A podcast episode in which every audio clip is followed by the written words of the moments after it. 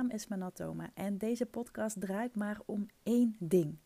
Hoe word jij online opgemerkt met jouw kennis en expertise? Zonder trucjes en poespas, maar door gebruik te maken van het meest simpele en krachtige wapen wat er maar bestaat: positionering en personal branding. Ik krijg de laatste tijd steeds vaker uh, reacties of vragen in, uh, in adviesgesprekken uh, die aanhaken op mijn positie. Dus om daar even op terug te komen, ik heb daar laatst een podcast ook over opgenomen. Die heet Waarom ik mijn um, positionering en niche heb aangescherpt. Zoiets een aantal afleveringen geleden. Je kunt hem even terugzoeken in mijn feed. En de reden dat ik daarmee bezig ben geweest, dat heeft meerdere redenen.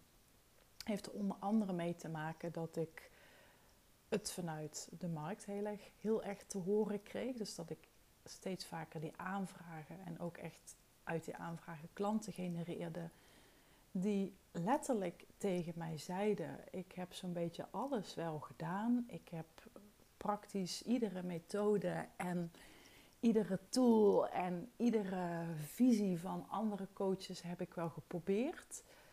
Maar het voelt nog steeds niet kloppend. Ik wil er graag een gestroomlijnd geheel van maken. Ik wil daarbij ook heel erg kijken wat mij als persoon um, aanspreekt, waar ik heel erg goed in ben, hoe ik van daaruit ook mijn marketing kan inrichten en hoe ik in verkoopgesprekken beter word.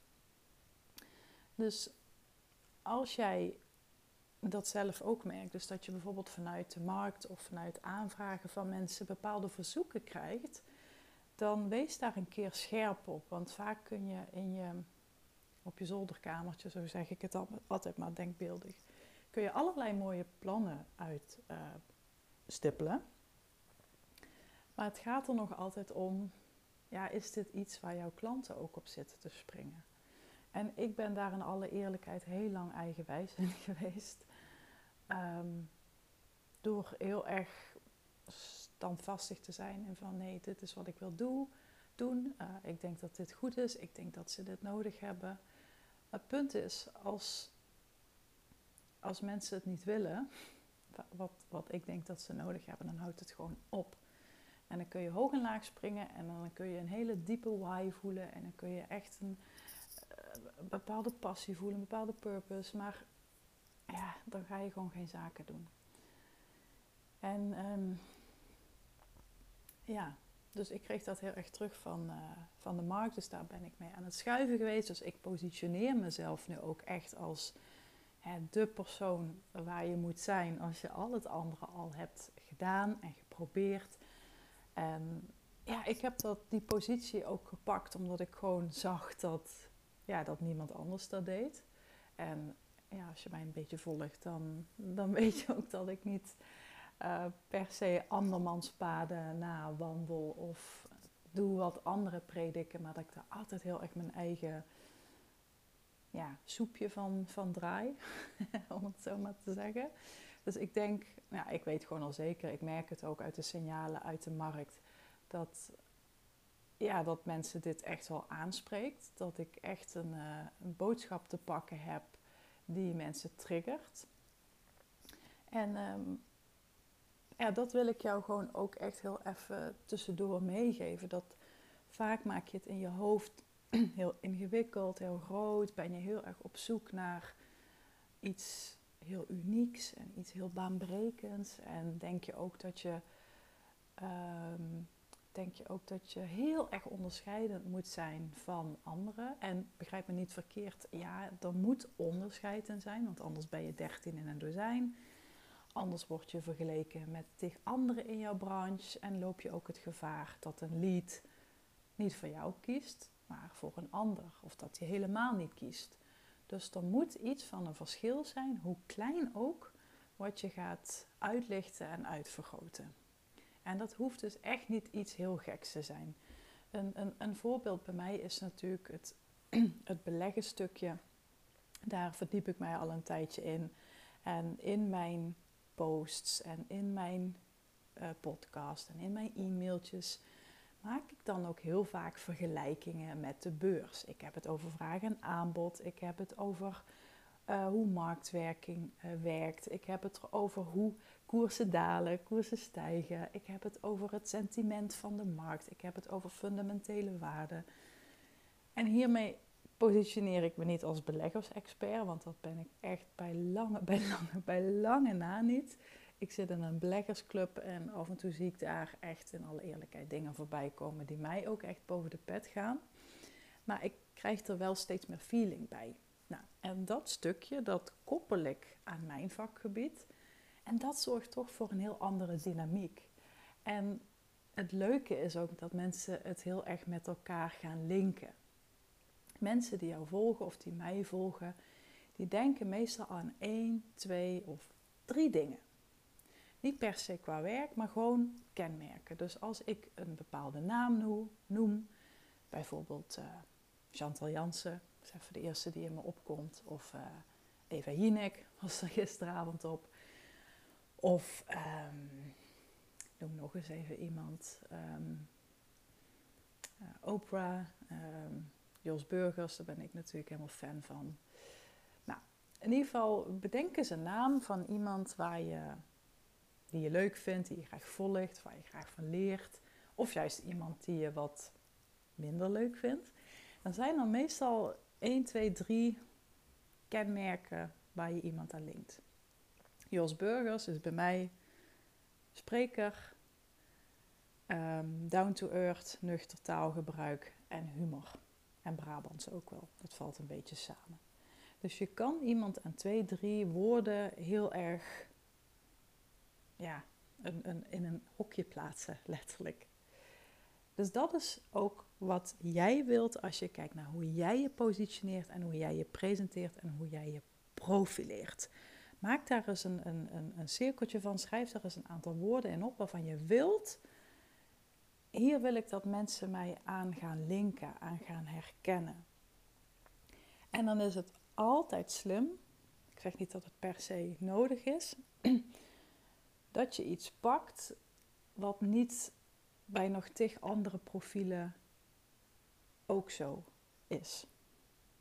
Dus ehm, stel dat je een, um, een coachingsprogramma hebt gevolgd, een bepaalde methode hebt geleerd, hè, zoals ik bijvoorbeeld How to Fascinate. Ik ben daar, uh, in, in de Benelux ben ik daar uh, de enige adviseur in. Maar ik deel daar natuurlijk niet super veel over. Het is meer een, een onderlaag in mijn doen en laten. Maar ik zet het bewust niet heel erg op de voorgrond. Want How to Fascinate is van Sally, Sally Hogshead. En Sally is fantastisch. Ik deel ook met liefde uh, de namen van mijn mentoren, van mijn coaches. Uh, ik, ik vind zelf altijd, ja, ik, ik geloof in die zin altijd heel erg in uh, dat gewoon benoemen. Ik weet ook natuurlijk dat heel veel coaches en vooral heel veel business coaches daar, um, ja, daar wat genuanceerder in zijn en dat niet zo snel delen. En die beweegreden snap ik ook.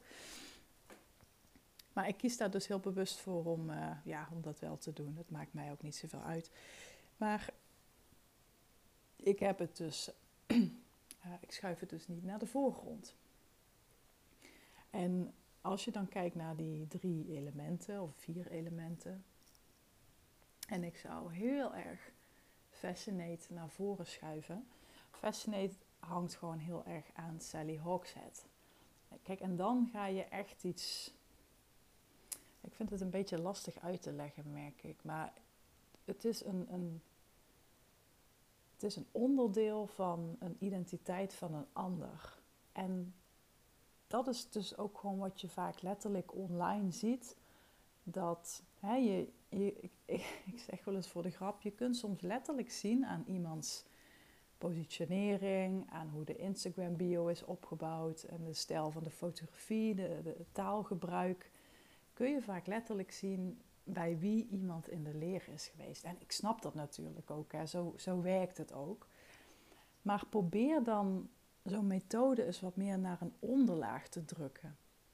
En te kijken van, oké, maar wat is mijn visie hierop? Want ik, ik, ja, ik zie soms mensen visies delen waarvan ik denk, ja, maar dat, het is exact dezelfde visie van jouw mentor. Wat is jouw visie? Waarom doe jij dat? En dan kun je weer heel erg kijken naar jouw eigen invalshoeken, naar jouw eigen verhalen. En dat is, als je het mij vraagt waar het om draait, als je dat stukje onderscheid in jezelf wilt vinden. Nou, ik dwaal echt mega af.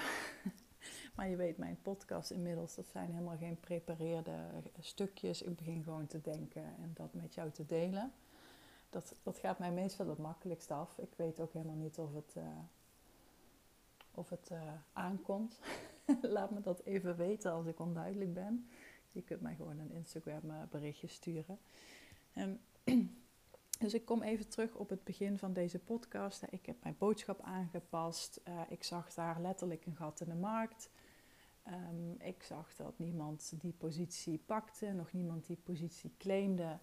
En ja, die heb ik nu gepakt. Ik ben ook aan het kijken met een uh, jurist of ik bepaalde dingen kan vastleggen. Want uit het verleden is het gewoon heel vaak gebleken, um, helaas, dat, um, ja, dat bepaalde teksten en dergelijke worden overgenomen. En dan niet per se één op één, maar wel dat je denkt: oké, dit is wel heel duidelijk. En ik weet natuurlijk ook hoe, de, hoe het wereldje werkt. En, en ik weet ook wel, je laat je door elkaar inspireren. En dat is ook allemaal prima, hè? Laat je ook vooral lekker inspireren. Maar net als wat ik net zei, probeer altijd jouw eigen visie daarop te ontwikkelen. Gebruik altijd je eigen termen, je eigen woorden, je eigen, maak eigen haakjes met dat wat jou nog meer interesseert. Net zoals ik het heb over vraag en aanbod, hè, beleggen, hè, dat soort zaken, hoe ik die combineer met jouw positionering en met jouw personal brand. Dat is heel typisch nu voor mij. En natuurlijk zie je links en rechts het natuurlijk weer andere mensen overnemen die daar ja, door geïnspireerd raken. En dat is denk ik ook helemaal prima. Um, ja, wat ik zeg, ik ben altijd zelf heel genereus in het delen van uh, namen waar ik door geïnspireerd raak. Maar soms sluipt het er ook gewoon in en dan, uh, ja, dan heb je het misschien niet eens door. Ik weet het niet. Maar soms zitten er van die gevallen tussen. En vaak zie ik het niet eens zelf, maar dan uh, zien bepaalde volgers het. En die zeggen dan, kijk wat grappig, deze positioneringsstrategie heeft het opeens ook heel erg over vraag en aanbod. Of die gebruikt zelfs letterlijk een zin die ik bij jou heb gelezen. Nou, daar ben ik dus nu wel echt even over aan het, uh, ja, in, in, met een uh, jurist. Hoe, ja, hoe ik ook daarin weer een beetje mijn, ik vind het zo'n knakenwoord, maar mijn next level kan pakken. Omdat ik... Ehm, ja, ik, het is voor mij ook gewoon echt wel. Ik voel ook echt dat het de tijd is om uh, to step up my game, zeg maar. En um, ik heb heel snel de neiging om de rol van underdog te pakken. Dat weet ik ook door uh, een traject wat ik inmiddels aan het volgen ben, maar ook diverse trajecten daarvoor. Ik heb de afgelopen anderhalf jaar, denk ik, echt me vooral verdiept in persoonlijke ontwikkeling. Dus dat is daar ook heel erg naar voren gekomen. En dat is ook iets wat ja, waar we nu mee bezig zijn. En wat natuurlijk ook wel weer schuurt aan hoe je ja, hoe je, hoe je, je business uh, runt. En um, ja, ik, ik zal daarover een keer uh, verder ingaan. In een andere podcast wellicht. Uh, ja, wat ik daarvoor heb gedaan, wat dat voor mij betekende. En maar dan wijken we iets te veel af. Dus even terug naar um, ja, de reden dat ik deze podcast dan opneem, is dat ik uh, nou, door die dingen te veranderen, dus door die positionering te pakken die verder niemand pakt, krijg ik ook weer vanuit de markt andere vragen. En een van die vragen, dat wilde ik dus eigenlijk zeggen, is dat, dat mensen bij me komen en een aantal dingen aangeven die ze hebben gedaan. Nou, dat is echt 90 procent nee, ik denk misschien wel 98% die geeft het standaard uh, riedeltje op. ze hebben e-mail funnels bijvoorbeeld, hebben ze allemaal. Ze hebben allerlei verschillende challenges en online producten, digitale producten, online cursussen. Sommigen geven zelfs al masterminds. Ik heb ook meerdere mensen die al hebben gewerkt aan een high-end aanbod. Dus dat, eh, dat, dat is een onderdeel in je, ja, ik zeg altijd je winkeltje, wat uh, een hooggeprijsd product is. En als je een beetje in dat high-end wereldje wel eens rondkijkt, dan zie je dat daar bedragen rondgaan van 25 tot 50.000 k. Of 25 tot 50k. Um, dus 25.000 tot 50.000 en misschien nog wel meer. Maar dat hoeft natuurlijk niet zo te zijn. Hè? Een high-end aanbod is gewoon een hoger geprijsd product in jouw aanbod. Het, dat is eigenlijk je beste werk voor de beste klant voor de beste prijs. Dat is het gewoon, eh, ja, heel simpel. Meer is het, meer is het eigenlijk niet. Um, natuurlijk komen daar meer zaken bij kijken, maar dat is in feite wel wat het is.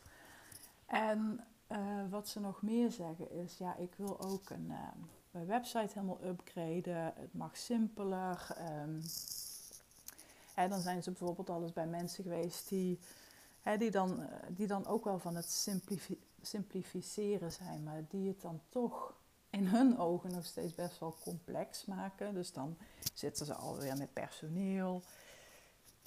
heb ik het niet over dat je af en toe een freelancer inhuurt of een VA hebt, maar echt vast personeel. En dan zeggen ze, ja, moet ik dan ook ieder half jaar van die evenementen gaan organiseren? Moet ik daar weer mensen voor gaan werven? Moet ik zo weer mijn upsell doen? Uh, dat, daar zijn ze gewoon een beetje klaar mee. Um, wat ze ook allemaal aangeven is, ik heb eigenlijk al alles, maar het voelt nog niet kloppend, het voelt nog niet rond. Uh, houtje touwtje heb ik wel eens gehoord. Het voelt nog een beetje als uh, apenkooien, zei laatst iemand. Dat vond ik ook een hele grappige. En um, één iemand gaf aan, ja, je bent voor mij echt een beetje een, een hebben dingetje voor mij. Want ik heb echt het gevoel dat na allerlei trajecten, cursussen, coaches, dat jij gewoon nog de enige bent die mij hierin kan bijstaan. Kijk, en dan weet je gewoon, oké, ik heb echt een sweet spot uh, te pakken. Ik heb echt weer een positie gepakt wat verder gaat dan dat. Want ik wil je gewoon heel erg meegeven, en ik denk dat dat een beetje de moraal van het verhaal is. Er is geen goed of fout. Het is niet erg dat je ofwel hè, het, het eigenlijk, eigenlijk zijn het vooral twee kampen die je ziet. Het ene kamp is heel erg van, hè, die hebben bepaalde coaches en goeroes en mentoren gevolgd die heel erg van het massa is kassa principe zijn. Hè. Ik weet niet of je dat programma wel eens kijkt, maar die heel erg zijn van online cursussen, webinars geven, lanceringen en dan gooien ze een online cursus eruit voor uh, ja, 1000 euro of 1500 euro, een laag bedrag misschien zelfs nog wel lager. En dat gaan ze dan massaal verkopen. En ja, dat kan, dat kan een keuze zijn. Ik, uh, ik word al moe bij het idee van lanceren en bepaalde scripts volgen. En uh, ja, ik, ik vind het allemaal maar gedoe. Ik heb me laatst ook, omdat ik een beetje op zoek was naar een nieuwe business coach. En ik wilde gewoon heel graag eens een, een, een Nederlandse. En uh, toen kwam ik bij iemand uit die ik echt fantastisch vind. Dus ik had me ingeschreven voor zo'n uh, wachtlijst en informatie, uh, weet ik veel. Nou, toen kreeg ik allerlei vragen over in welk programma ik dan een goede fit zou zijn. En in die vragenlijst raakte ik al het spoor bijster. Dacht ik van, oh, ik vind het nu al complex, ik vind het nu al ongestructureerd en onduidelijk. En dan gaan ze kijken in welk niveau ik val en dan val ik weer in dat groepje. Ik denk, laat maar, laat maar. Dit is gewoon. Het voelde voor mij gewoon. Ik kreeg er al onrust van. En dan heb je ook nog het andere kamp. En dat is wat meer het kamp waar je nu wat meer over hoort en leest. En het kamp waar ik dan ja, ook wat meer mijn voorkeur aan geef. En dat is high-end. En uh, die vraag krijg ik ook echt vaker. Hoe ik daar dan tegenaan sta. En, of in sta. En of ik dan ook in die high-end markt zit, opereer. Nee, ik doe dus beide. En dat is ook wat ik jou wil meegeven. Kijk, high-end, zoals ik net al zei, dat is gewoon je beste dienst, je beste uh, kennis leveren aan de allerbeste klant die daar ook het allerbeste voor wil betalen. Dus stel je voor, jij geeft, jij bent, um, hoe noem je zo iemand? Um, iemand die uh, financiën managt voor andere mensen. Ik weet even niet de officiële term. En je gaat dat doen voor uh, mensen die zwaar in de schulden zitten. Dat kan een hele nobele reden zijn om hen te helpen. En dat kun je ook nog zeker als je bijvoorbeeld een product hebt waarbij je heel goed verdient, zodat je die ruimte letterlijk in je, in je tijd en in je energie en in je omzet kunt vrijmaken om die mensen te helpen. Maar als dat je kernklant is, ja, dan wordt het best wel lastig. Dat is natuurlijk ook best wel logisch als je zo nadenkt. En dit is natuurlijk even super zwart-wit. Maar dat is waar het op neerkomt. En dat is gewoon niet zo handig. Dus ik zeg altijd, er is niks mis met een low-end of een high-end aanbod. Of een medium-end of een premium aanbod. er zijn verschillende manieren in. Waar het om draait is dat dat maar verdienmodellen zijn. Dus al die mensen die het hebben over high-end of over low-end, die hebben het puur en alleen over verdienmodellen. En de grote grap is dat dat wel business coaches zijn. Ik denk als jij een business coach zoekt, en ik ben er geen, ik noem me er ook, ik noem me ook niet zo iemand, dan, dan kijk je naar alle facetten in een businessmodel. Want een verdienmodel is een onderdeel van een businessmodel. Dit is gewoon basiskennis, hè? Dit is gewoon basiskennis. Ik, ik, ben, ik ben ook een keer bij, en dat is echt al lang geleden, ook bij een businesscoach geweest. Nou, die, die wist niet eens wat uh, het businessmodel was van uh, dat bekende boek van Alex Osterwalder, zo heet hij volgens mij. Ja, dat, ik vind dat verbazingwekkend. Maar goed, wie ben ik? Dus als je er zo naar kijkt, naar alles wat je al hebt gedaan, dus je hebt misschien die funnel staan, hè, je hebt wat meer low-end aanbod, een laagdrempelig product. En je hebt ook al uh, iets opgezet voor een high-end product, dus voor bepaalde type klanten, waar je een hoop marge mee pakt, maar waarbij je wel altijd kwetsbaar blijft. Hè? Want als jij omvalt, nou ja, dan kun je hartstikke high-end zijn, maar dat maakt niet uit, dan flikker je alsnog van het dak.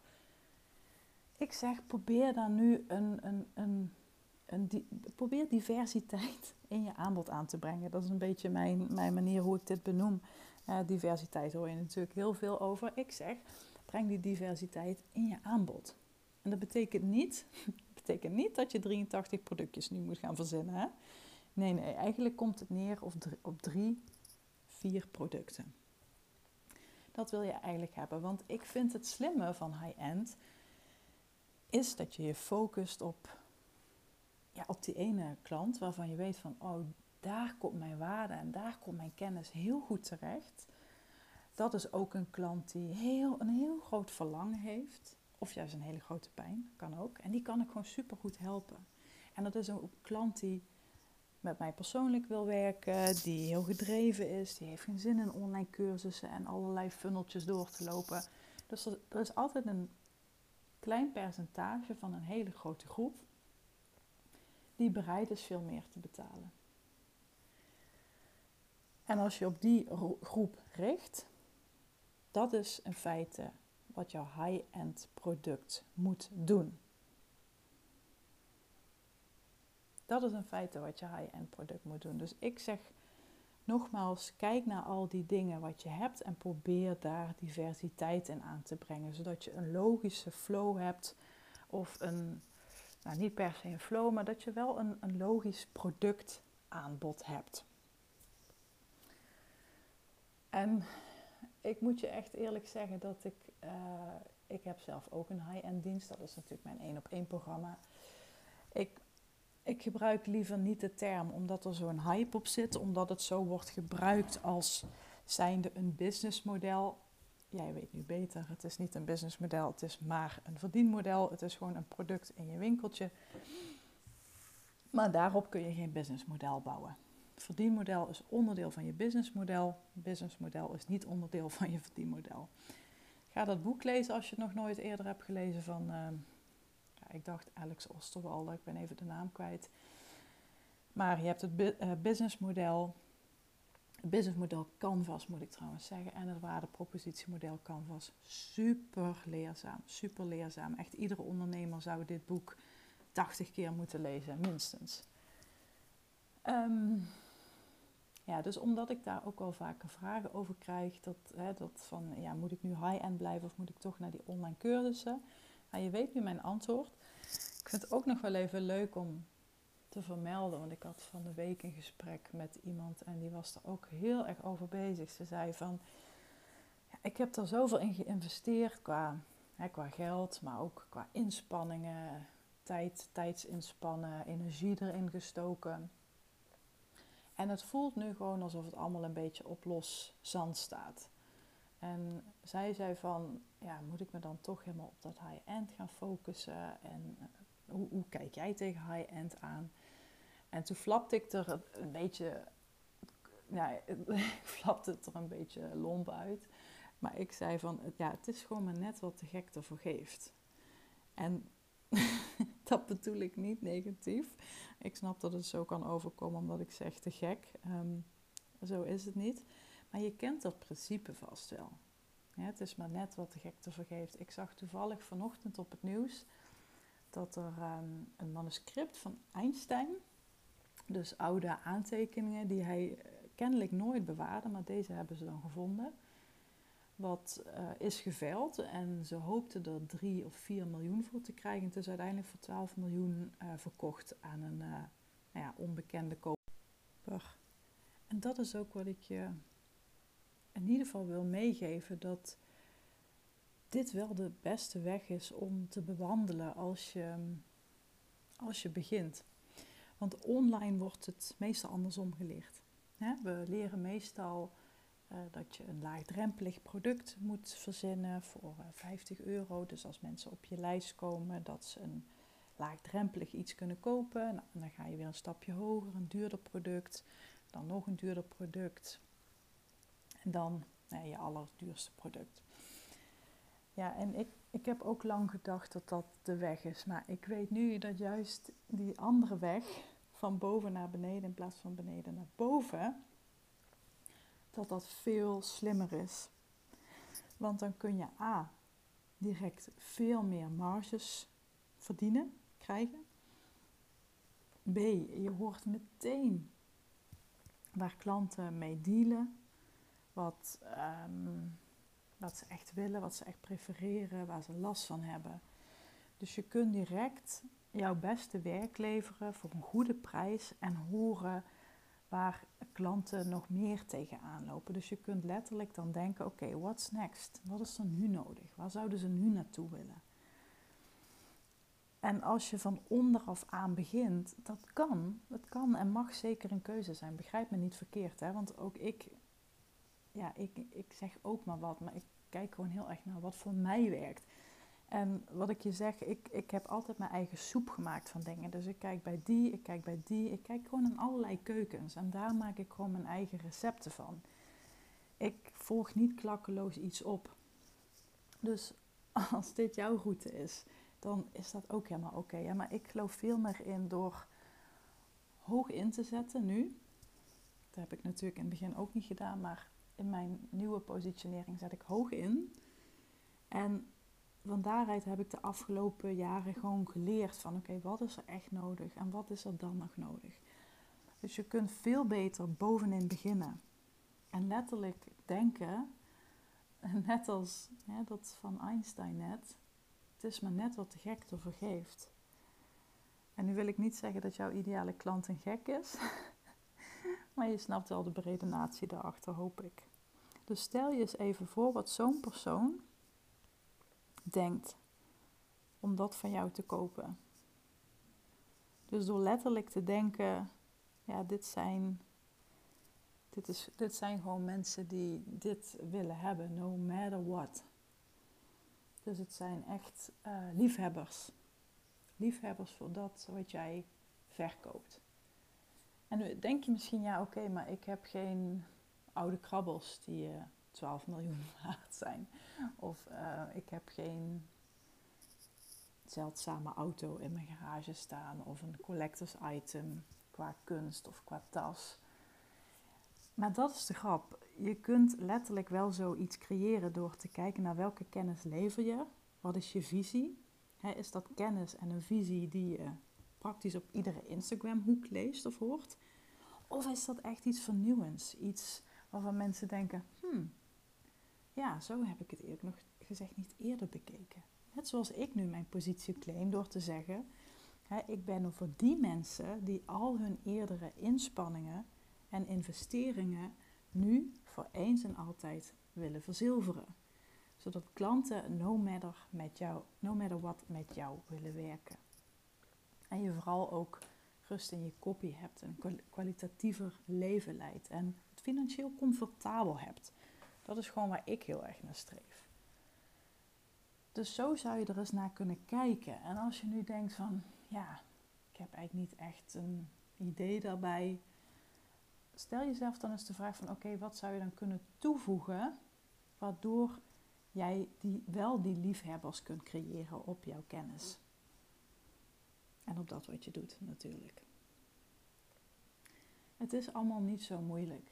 We maken ondernemen vaak heel erg moeilijk. Maar in theorie is het heel makkelijk. Je moet op het goede punt uh, of op de juiste plek staan met het juiste product voor de juiste persoon. En je moet een hebben dingetje zijn voor mensen. En je moet het gevoel hebben dat, ja, dat je liefhebbers hebt van dat wat jij doet. Ja, en dan vind je dat in de massa? Nee, waarschijnlijk niet. Waarschijnlijk zul je eerst een, een heel beperkt en beknopt uh, selectie moeten aanbrengen op al die mensen die je mogelijk zou kunnen helpen. Maar begin dan eerst eens met een paar mensen. Ik heb dit de afgelopen jaren ook zo gedaan. Ik, ik, heb, ik vond het zo moeilijk om niet in die, ja, die red race mee te draaien als wat sommige grote namen predikten. Ja, online programma's. En dan zag ik soms wel eens coaches die ja, die allerlei programma's ook verkochten, waardoor ik soms ook dacht van ja, maar waarom moet ik nu echt bij jou zijn? En dat heb ik me steeds in, in acht genomen. Van ik wil echt ergens om een bepaalde en een specifieke reden bij mensen opvallen. En ik weet dat mijn weg niet de meest snelle weg is geweest. Maar ik weet nu wel dat het de meest stabiele en de meest slimme weg is geweest. Ik heb lang ingeleverd op, um, op omzet, op. Want natuurlijk had ik snel geld kunnen maken door ook mee te gaan in die hapsnap online cursussen. Maar ik, ik besloot het gewoon andersom te doen. Iets in me zei gewoon van, wacht maar, wacht maar. En de grote grap is, als je nu naar bepaalde grote namen kijkt, dat ze ook allemaal een beetje afstappen van die hele grote lanceringen en van die hele online programma's. Sommigen gaan zelfs weer terug naar één op één.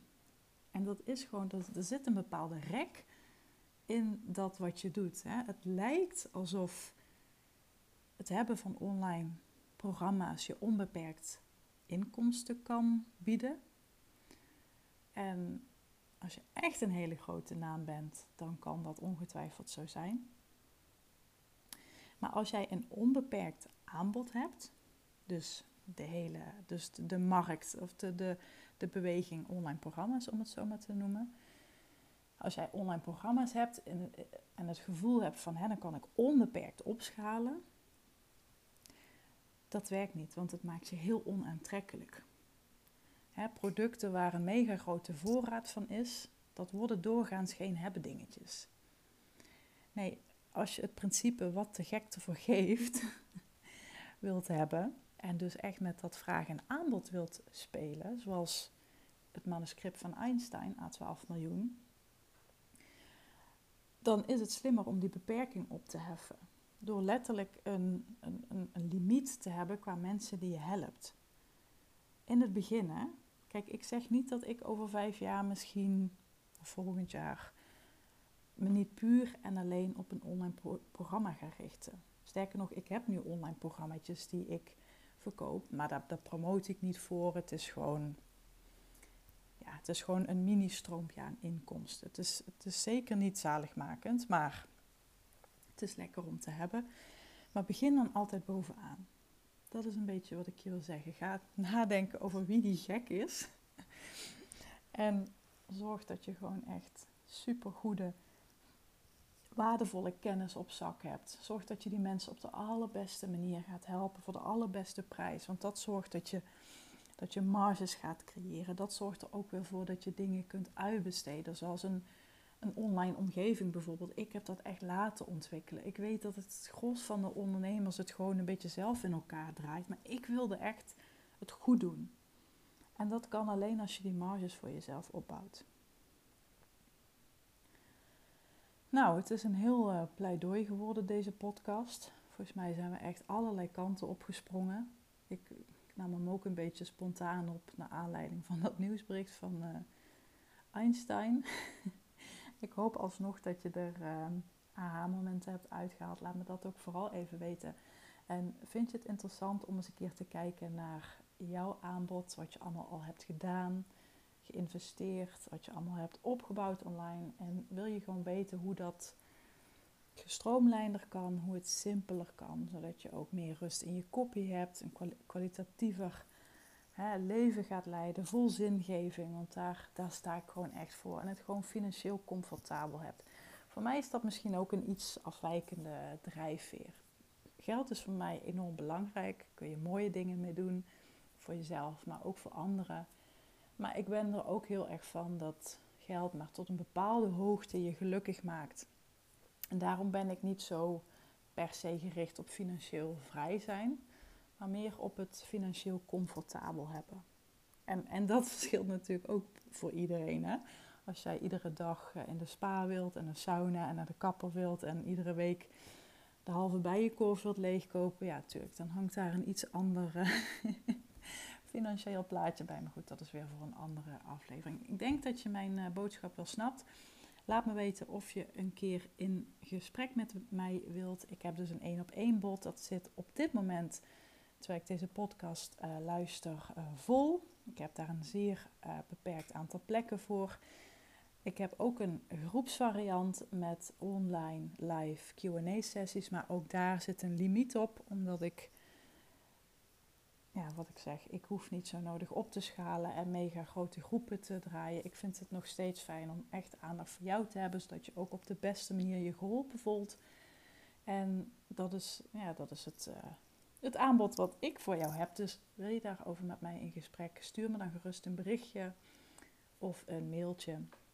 Mail at en uh, ik spreek je graag de volgende keer weer. Bye bye.